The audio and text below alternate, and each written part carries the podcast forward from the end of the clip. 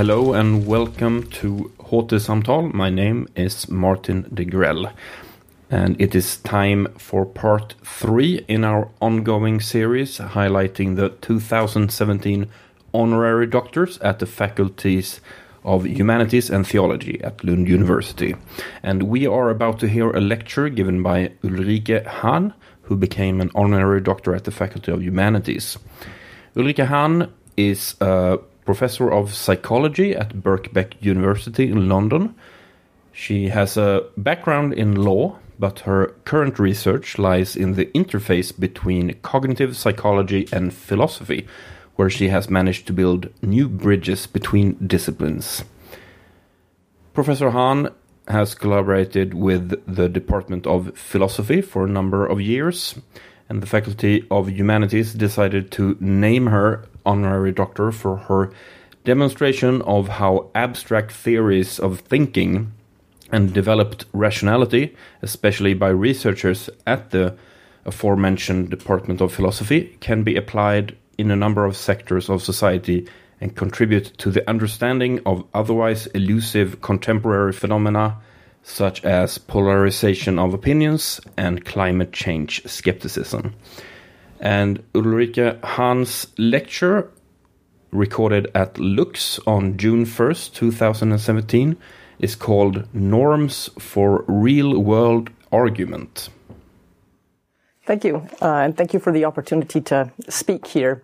In the interest of this being a public lecture, I've tried to make this quite general, so this means that probably I've veered a little bit toward marketing and less to an academic talk. Uh, but I hope you'll get a sense of a particular project here and a particular program here, which I'm going to try to recruit you for shamelessly in this talk. So the starting point is kind of really where we are now, which certainly if you live somewhere in the Anglosphere, particularly in the United Kingdom of the US, is a fairly depressing place as these two recent books, both of which I can highly recommend, um, testify. Uh, the James Ball book, Post Truth How Bullshit Conquered the World, takes up Frankfurter's definition of bullshit, which is basically people who are just interested in their own narrative and are interested just in what works. In contrast to a liar. So a liar is still somebody who sort of cares about truth because the liar doesn't want you to know that truth. Whereas bullshit is characterized by the fact that it has no real regard for truth or falsity at all anymore and is interested simply in what works. And that uh, gels with James Garvey's book, uh, who he goes on to highlight the incredible role that basically what we might call social marketing now plays in public discourse, in, in, in campaigns to change your behavior, in election campaigns. All of these things are fairly high profile and well publicized in the media.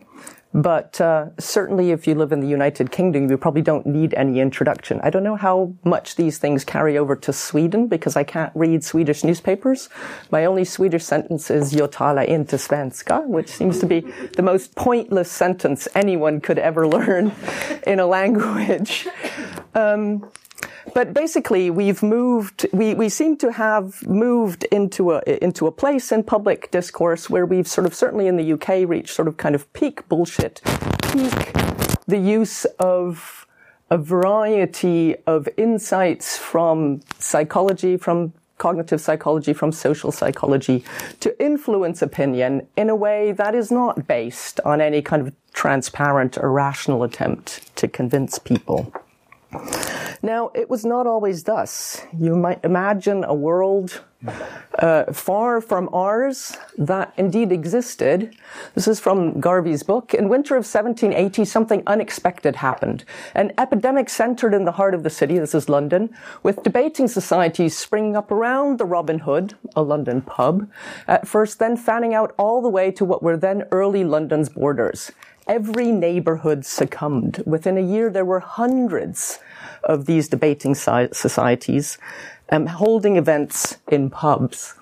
People of every rank rubbed shoulders in the debating rooms. Every large venue in the city was given over to rational amusements, and every self-respecting Londoner had views about where to go for a good argument.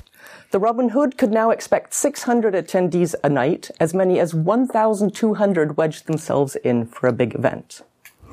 And here a report from one of these events published in a newspaper at the time. Much pleased was I to observe so numerous an audience assembled for the laudable purpose of edifying each other by a search after truth. So search after truth is the key phrase here because I take this to be the defining feature of what I mean by rational argument. So I personally am interested in rational argument. I'm going to talk to you about rational argument and ways for evaluating the rationality of argument. What I'm not interested in is persuasion.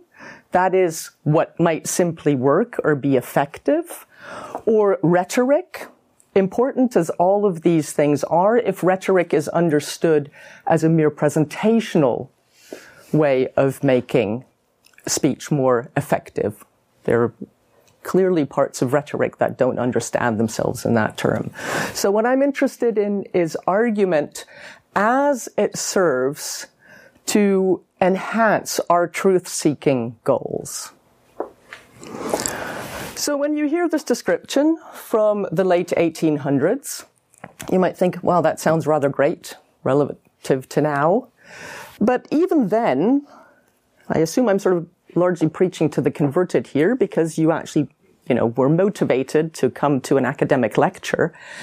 But even then, we could ask ourselves, why would we be better off if our world was more like this? What is actually so great about rational argument? What specifically is the relationship between rational argument and truth, the relationship between rational argument and good decisions? In other words, why would anyone care? And this is a question I think we have to take seriously as a theoretical question if we want to, or if we're interested in normative theories. But it's also become a very practical question if we want to convince people that we would like our public discourse to become more like London in the eight, late 1800s again. So the bedrock of argument historically, as everyone in this room probably knows, is logic. Um, logical inference, all men are mortal, Socrates is a man, Socrates is mortal, is characterized by the fact that if the premises are true, the conclusion follows by necessity. And accepting premises and denying the conclusion it would be self-contradictory or inconsistent. So inconsistent claims are necessarily false. This gives us an immediate and obvious link to truth. Right? If you believe all men are mortal and Socrates is a man, but you strongly believe that Socrates is not mortal, there's a conflict there. That means not all of what you believe can be right. But of course, even though one can construct all of mathematics with just logic and set theory, or so I'm told, its traction in the context of real world arguments has been extremely limited. And this is nowhere more apparent than in the fallacies, which is the topic that got me into research on argumentation now about 13 or 14 years ago. Fallacies of argumentation are best illustrated by example, circular arguments. God exists because the Bible says so and the Bible is the Word of God might not be the strongest argument you could develop for the existence of God. Ghosts exist because nobody has proven that they don't. Seems a poor reason for believing in the existence of ghosts. It just puts them in a class with purple flying pigs or any other set of objects that we haven't proved the non-existence of, or slippery slope arguments. If we legalize gay marriage, next thing people want to marry their pets, which is an argument um, put forward by the American Family Research Institute.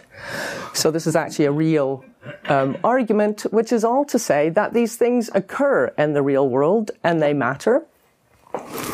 And they matter because fallacies are potentially arguments that seem correct or seem persuasive, but maybe shouldn't be. So these are part of a historical catalog that originates with Aristotle. Depending on how you count, there's about 20 or 30 of these fallacies in the literature. And the key question is, why is it that these fallacies are bad? Can we give some kind of explanatory account of why they're bad? And such an account has been long missing uh, in the literature. And this is partly to do with the focus on classical logic, because classical logic has nothing to say about most of the fallacies. Ghost exists because nobody's proven that they don't isn't a logically valid argument. Now you might be tempted to say, well, that's why it's bad. But this drug is safe because no side effects have been found in clinical trials, arguably has the same logical structure, but doesn't seem fallacious. In fact, it seems to be the kind of thing that we base our decisions about whether or not to take a particular prescription drug on. So the third problem for uh, logical approaches to the fallacies is that many fallacies have exceptions that don't seem quite as bad. They have the same structure, but a different content. And you get a very different sense of whether this argument is weak or strong. So trivially comparing the ghosts exist because nobody's proven that they don't, and the this drug is safe because no side effects have been found in clinical trials suggests that content matters. And that means that classical logic is simply the wrong formal framework for addressing the question of what makes these arguments weak or strong.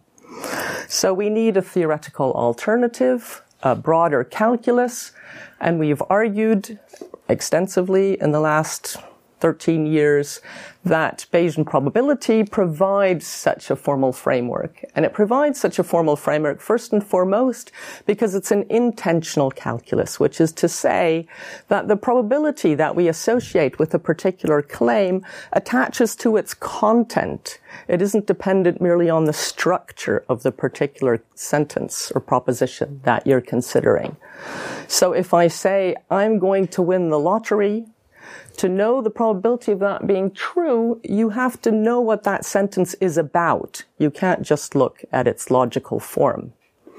So probability calculus is in principle a tool that should be able to attach to the content of statements and should allow us to move beyond classical logic in this case. The other thing about the probability calculus is that it has comparatively well worked out normative foundations. One thing you might say, if you've never heard me speak about this before, or if you're coming to this afresh, is that applying probabilities to real world arguments in first instance might seem like a bit of mismatch because we think of probabilities in first instances as things like percentages or proportions. The probability of getting lung cancer corresponds to the probability of the percentage of people in a population who will contract lung cancer at some point. But in the context of the Bayesian framework, probabilities are viewed simply as a way of representing subjective degrees of belief. You might tie these to frequencies or percentages where they exist, but in first instance, it's simply a measure of how convinced you are that a particular proposition is actually true. That's nice. We can attach a number to a claim, but the real value of this lies in the normative foundations of probability theory, which arguably support claims about instrumental rationality that are fleshed out with respect to both decision making and to accuracy norms. So there's a well worked out and ever growing body of very technical literature in philosophy, but also the foundations of statistics that ties being Bayesian, that is assigning probabilities in accordance with the axioms of the probability calculus will minimize the inaccuracy of your beliefs, for example. If you measure inaccuracy by what's called a proper scoring rule, such as the Brier score, which is a rule that's used for example, to measure the accuracy of meteorologists and how good they are at predicting rain. So there's some basis there for why we should care about those norms. Basically, a basis that makes a statement such as, if you want your beliefs to be such and such, then you want them to have this characteristic. So if you want to be rational in this particular way because it serves these particular goals, then this is what you should do. So normatively, of course, you're free to reject those goals, right? So it's kind of a norm with a little n. If you want to be irrational, if you want to lose money, if you want to make bets you can't win, that's up to you, right? But if you think that's a bad thing, then this becomes normatively relevant. So that's what I mean by instrumental rationality. The probability calculus is also incredible in its breadth of application at this point in time, and that also is growing. It has links to philosophy and Bayesian epistemology, the kind of things Erik does, and a lot of people here do in Lund exceptionally well in philosophy of science, has links to psychology and a long tradition of work at reasoning, judgment, and decision making. We have key proponents of that tradition here in the audience that links to statistics and machine learning. And it also unifies argument and evidence, if we can think of arguments from the framework of probability. So to give you an example of what I mean by evidence in this context, law has an increasing use of expert testimony that involves probabilities, the probability of a fingerprint match, the probability of a DNA match, whatever. At the same time, it has been shown in a legal context in the rather heroic work of Kadane and Schum, 1996, that you can apply the probability calculus to the entirety of the evidence in an actual criminal trial. So what Kadane and Schum did is they took one of the most more famous trials in US history, the Sacco and Vanzetti trial. This is boxes and boxes and boxes and boxes and boxes of evidence. And formalized all of these, captured all of these in a giant Bayesian belief network from which they could then derive final conclusions about how convincing this evidence should be under certain things. I'm mentioning this here not because this is something you're going to want to do in your everyday life, but because this is something that can be done. But the main role of this kind of approach in everyday argument is not to derive actual specific numbers in these heroic large scale reconstructions, but to say something more qualitative about types of arguments that we should or shouldn't find convincing. So how does that work? Um, I always use the same example, so I'm really sorry if you've heard this example a zillion times before.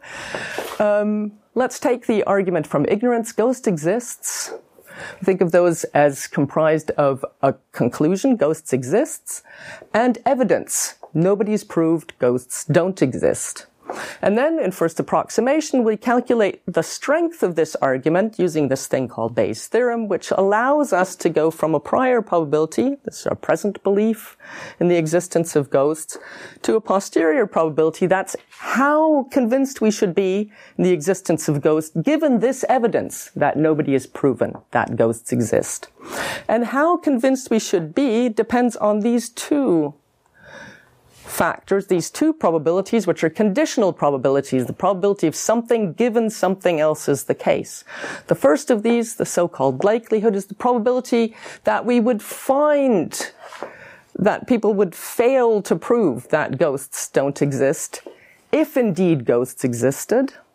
And the corresponding probability, that's the false positive Sorry, I've just confused myself and everything's come out this, the wrong way around. Let's do this with a simpler example. A pregnancy test, right? This is the probability that your pregnancy test will come back positive if you are in fact pregnant. And this is the false positive rate. This is the probability that the pregnancy test will say you're pregnant when you're in fact not pregnant. When what the first is much larger than the second, it will increase our belief in pregnancy by a lot. If it's as likely to come back saying you're pregnant if you're pregnant as if you're not, it's a rubbish test. So intuitively that should make sense as a measure of the diagnosticity of evidence. Applying this to the argument from ignorance is a little bit more complicated, uh, and I'm going to leave that for another day. But um, just to give you an impression of the kinds of things that you can do with this, you can apply this to different types of scenarios where these probabilities in the real world differ. And when these probabilities differ systematically in systematically different ways, then the strength of arguments from ignorance will also vary. So I gave, we have the ghosts example, I gave you the drug safety example, but think about libraries. Library catalogs are very good at telling you when books are out. So an analog to the ghosts example is an argument that runs as follows. The book is in the library because the catalog doesn't say it's on loan, which in the case of a library catalog is a very strong inference. So these are actual experimental data where we get people to rate the strength of arguments, and we can also get people to estimate the, the, relevant probabilities that go into Bayes' theorem in this context, and we can put these two into alignment, and we can see how well these changes in these probabilities carry over across different scenarios, and how the relative strength of arguments from ignorance changes to other arguments that you can define over the same scenario using the same probabilities, such as a positive argument. The book is in the library because the catalog says it's in the library, for example. And the relationship between these different types of arguments will vary systematically as these probabilities vary. And this framework allows you to capture that. So it allows you to deal also with this problem of content specific variation and say something about why some argument from ignorance are strong and why some are weak.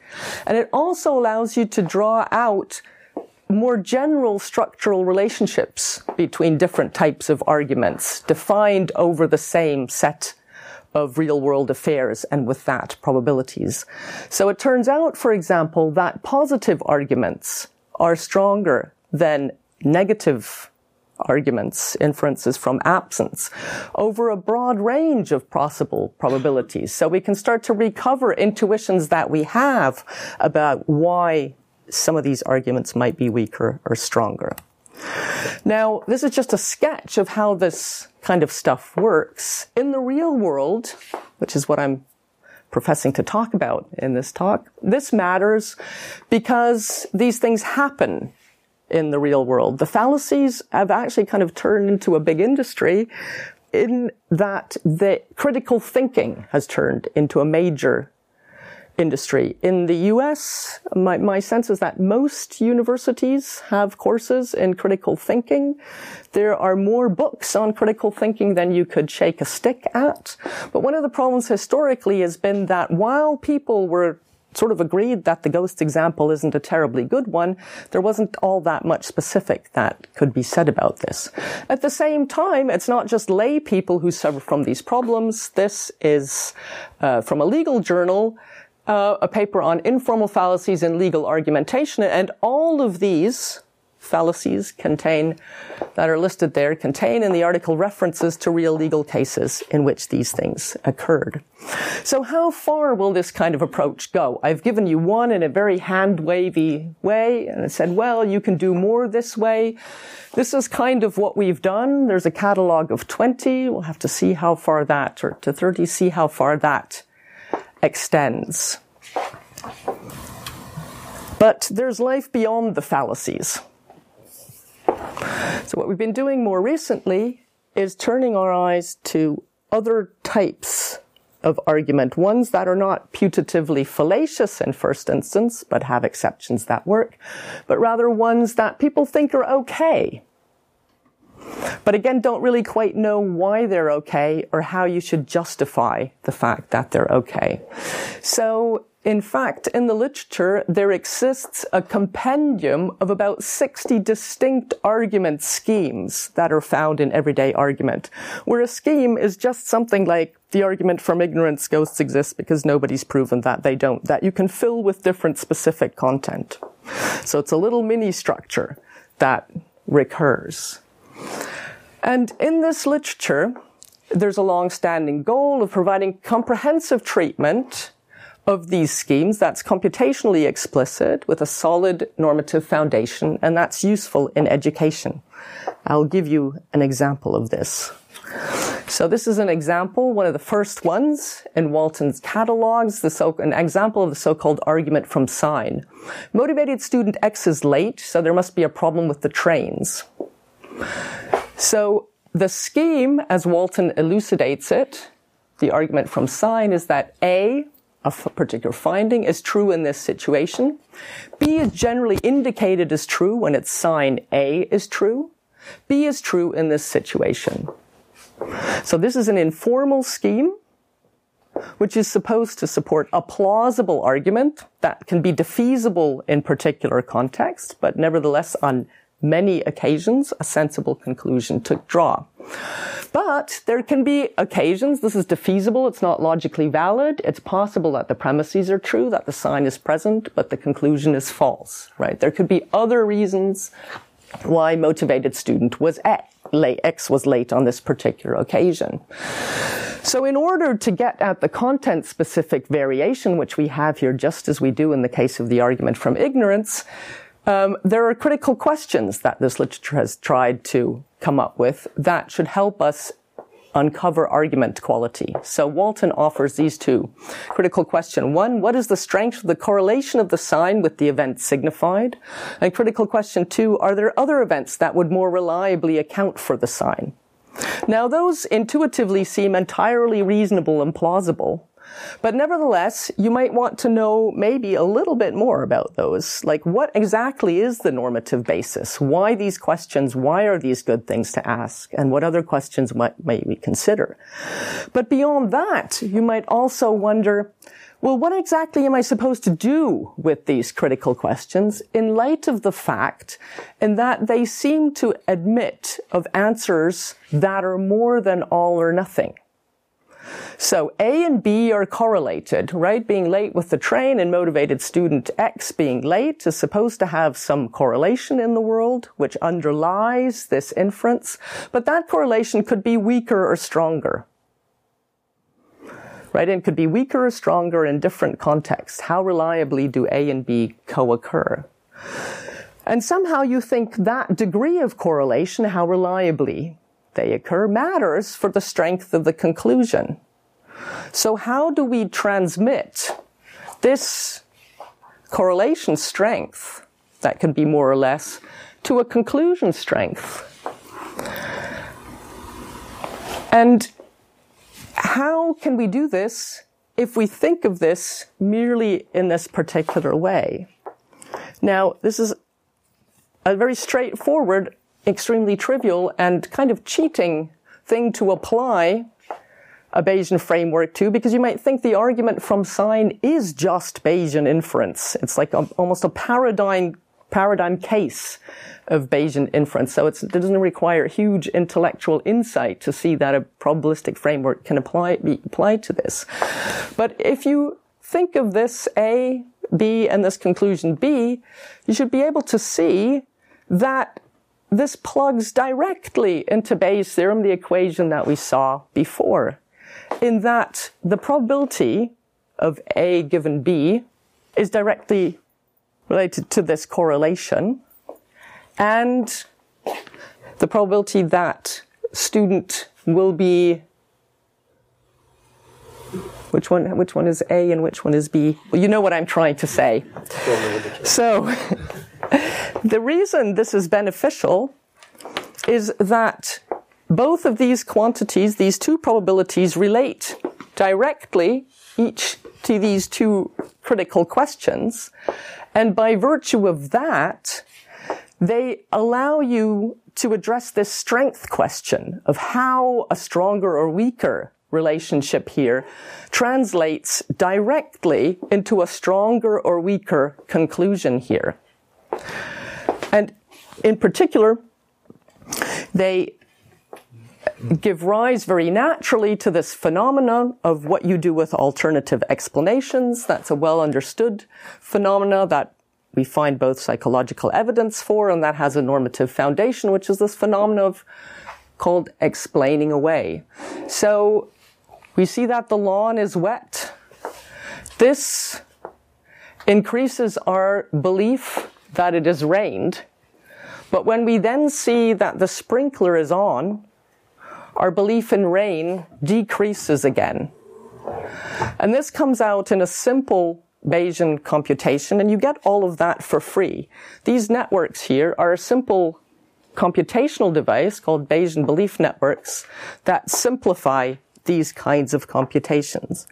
So what thinking about this scheme from a Bayesian perspective allows you to do is that it captures naturally the impact of each piece of evidence, both for and against, and it gives an overall summary evaluation right? So it captures not just critical questions in this case, but captures their relative strength and their interaction. And this is more than any of the other theoretical alternatives to thinking about these kinds of arguments from a computational pr- perspective in the literature presently do, but I'm just going to claim that and not argue that for that any further in the interest of time.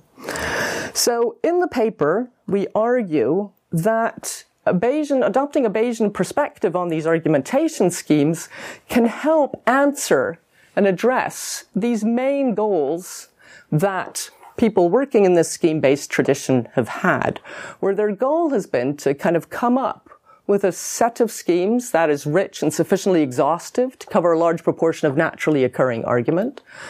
At the same time, to do so in such a way that it's simple, so it can be taught in a classroom, fine grained so that it can be usefully employed as both a normative and an evaluative system, rigorous and fully specified so that it might be represented in a computational language, and Bayesian belief networks are a computational language, and clear so that it can be integrated with traditional diagramming techniques.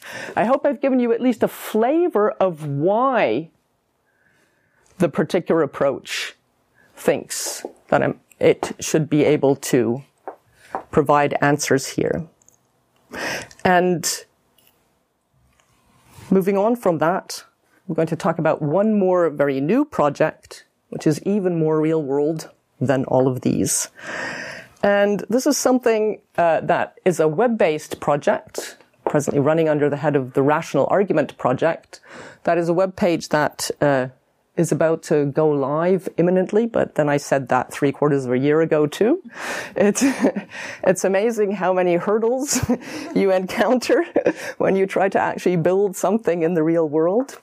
The, the, the basis of this particular project is that it takes actual bits of public discourse, in our case, newspaper opinion pieces, uh, that are in the public domain that you can access freely on the internet and provide critical analyses of these. So in each case, there's a newspaper opinion tax here, an article from the Telegraph that was on why more tax on sugar is not the answer to dealing with Britain's obesity crisis.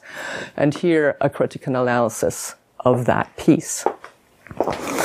So the challenge and the interest uh, in this project for me lies in the fact that this will allow us to see what can be said about sizable chunks of text.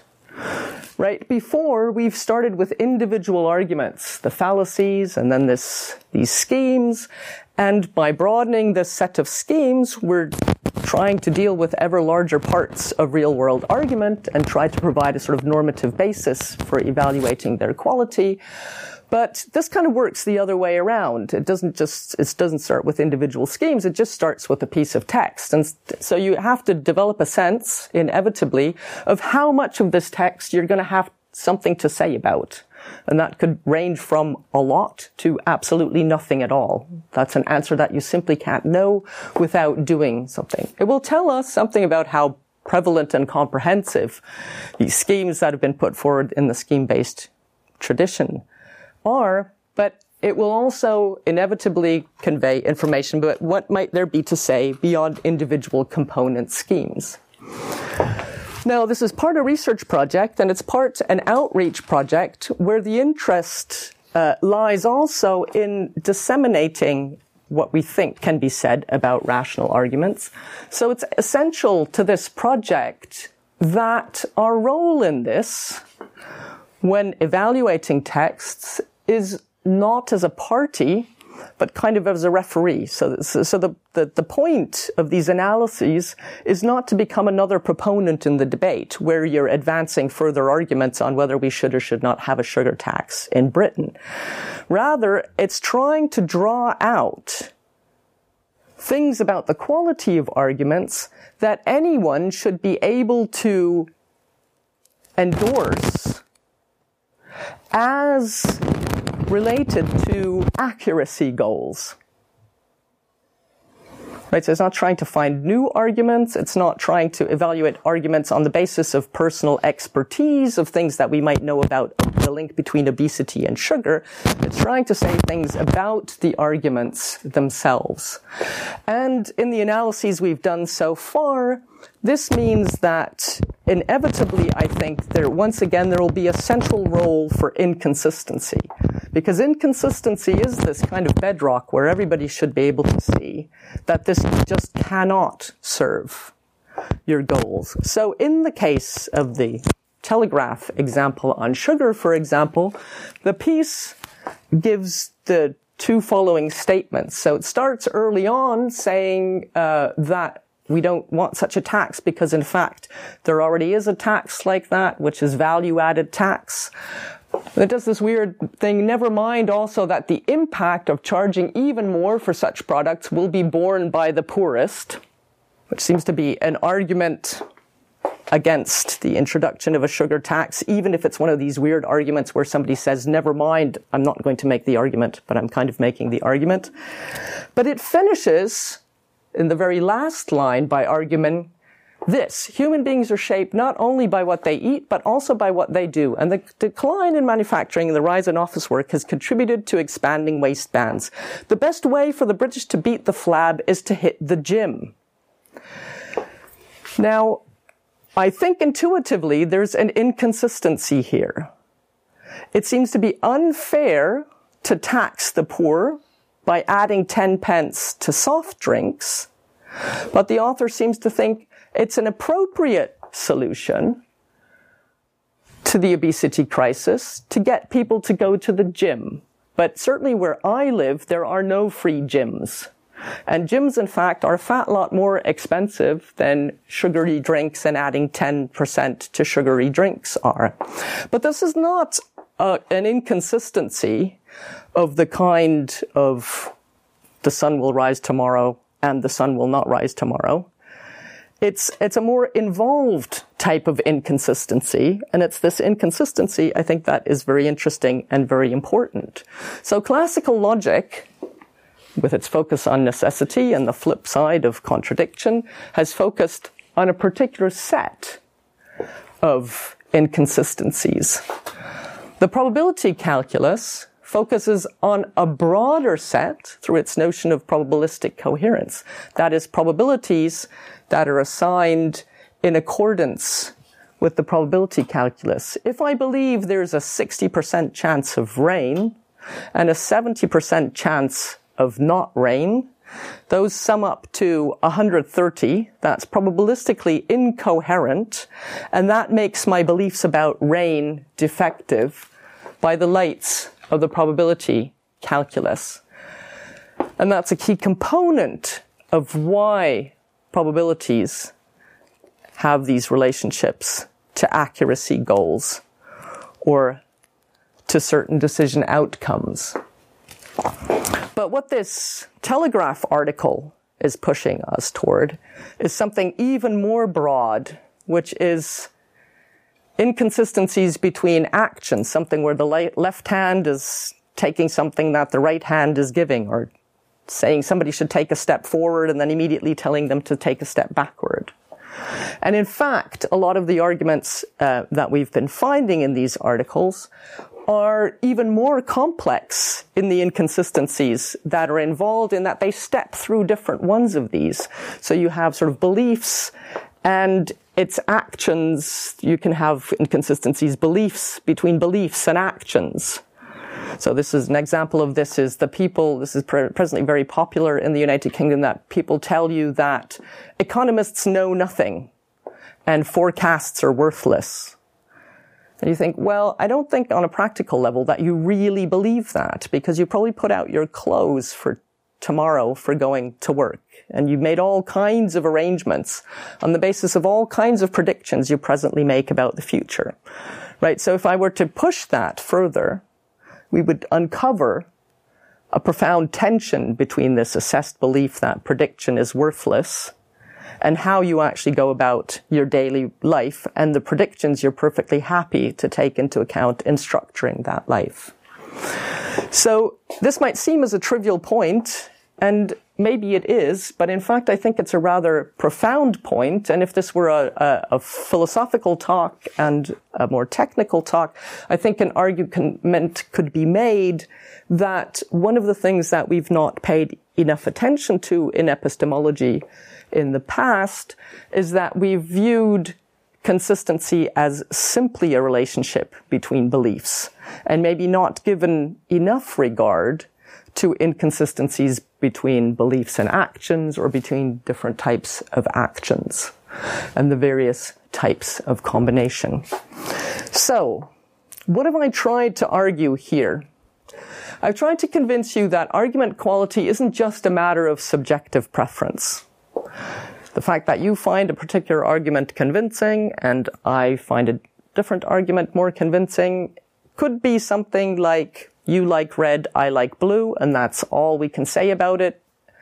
But I think there's more to be said here. And I think there are ways to bring out norms that actually have real normative purchase, that have real purchase in evaluating the quality of arguments. And that's because there are ways to measure argument quality, including new ways to measure argument qualities. And these quality criteria they link to considerations of instrumental rationality, so means to your ends. So the very normative foundations of these things come with a criterion for why you or anyone else should care about these in the first place. Because it's part of the very foundation of why we should think of these things as normative, that they're tied to the attainment of certain goals that you might have. And finally, this is more of a conjecture, but I think it's a fairly robust one, is that inconsistency really is a fundamental notion in constraining this evaluation, where inconsistency is to be much more broadly understood than it was just from the perspective of classical logic in such a way that it encompasses also probabilistic coherence, but also consistency among actions. So to very, very final conclusions, our understanding of norms for real world argument is still under development and an ongoing project. Clearly what I've tried to do here is just give you very vague snippets of bits of stuff that I and other people have done. These projects aren't complete, right? But I don't think that that incompleteness means that there are necessarily huge question marks lurking over the bits that have been done. I think the issues are more about scope and how far these things can go than about the fact that they actually say something worth listening to about the bits that have been treated with.